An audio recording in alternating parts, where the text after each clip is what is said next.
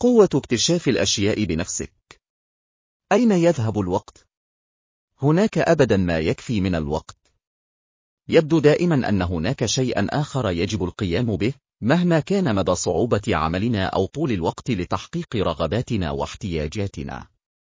فلا عجب أننا نحبو اختصارات التكنولوجيا. لقد كانت التكنولوجيا بمثابة نعمة إنقاذ في العديد من المجالات. هناك أوقات لم أتمكن فيها من تحديد المواعيد النهائية والالتزامات دون دعم التكنولوجيا. لكنني وجدت أيضا أنه من مصلحتي أن استمر في النظر إلى المعلومات من خلال عيني واستخدام ما هو ذي صلة والتخلص من الزغب. في عالم مليء بالمعلومات التي في متناول أيدينا من السهل الاعتماد على الآخرين لتزويدنا بالإجابات. غالبا ما نلجأ إلى الخبراء والموجهين وحتى محركات البحث لإيجاد حلول لمشاكلنا. الذكاء الاصطناعي المدرج الآن في محركات البحث له مزايا وعيوب. في حين أن طلب التوجيه أمر ذو قيمة إلا أن هناك قوة هائلة في اكتشاف الأشياء بنفسك. احتضان الفضول. أدمغتنا هي أجهزة تفكير لا تصدق. على الرغم من تقدم الذكاء الاصطناعي إلا أن معلوماته لا تزال تنشأ في الدماغ البشري. عندما نبدأ رحلة اكتشاف الذات فإننا نستفيد من فضولنا الفطري.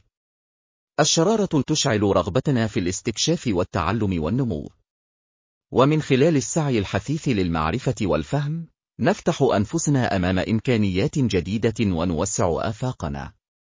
ومن خلال دمج قدرة دماغنا على التفكير في هذه العملية فإننا نخلق مسارات عصبية جديدة تمكننا من توسيع قدراتنا العقلية.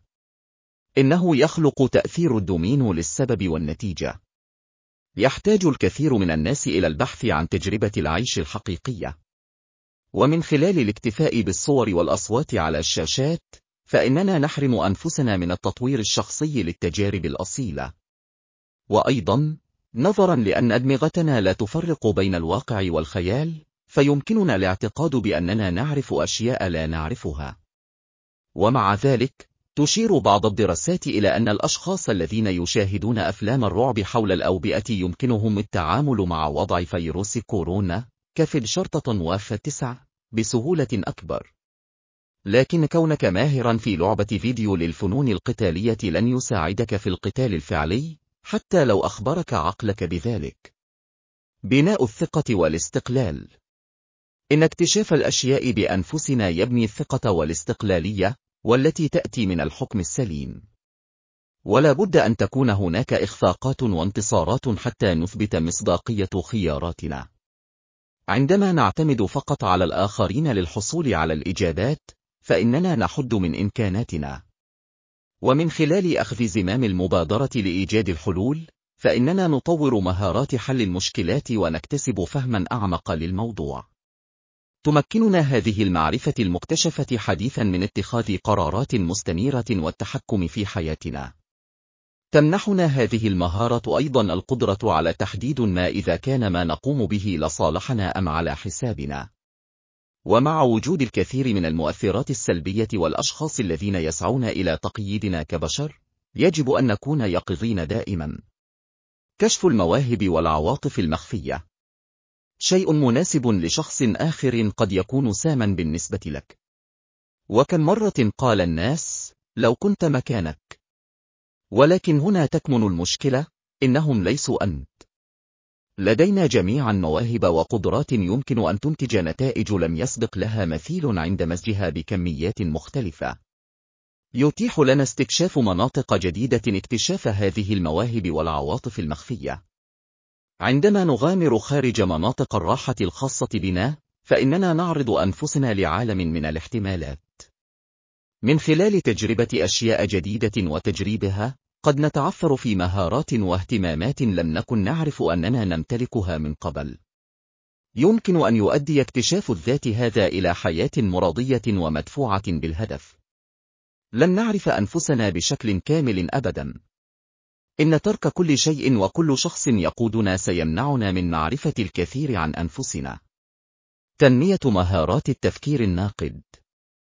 اكتشاف الأشياء بأنفسنا يشحذ مهارات التفكير النقدي لدينا. إنه يشجعنا على سؤال المعلومات وتحليلها وتقييمها. نتعلم التفكير النقدي وإصدار أحكام مستنيرة من خلال الانخراط في البحث والاستكشاف المستقل. هذه القدرة على التفكير بأنفسنا لا تقدر بثمن في التغلب على تعقيدات الحياة والأعمال.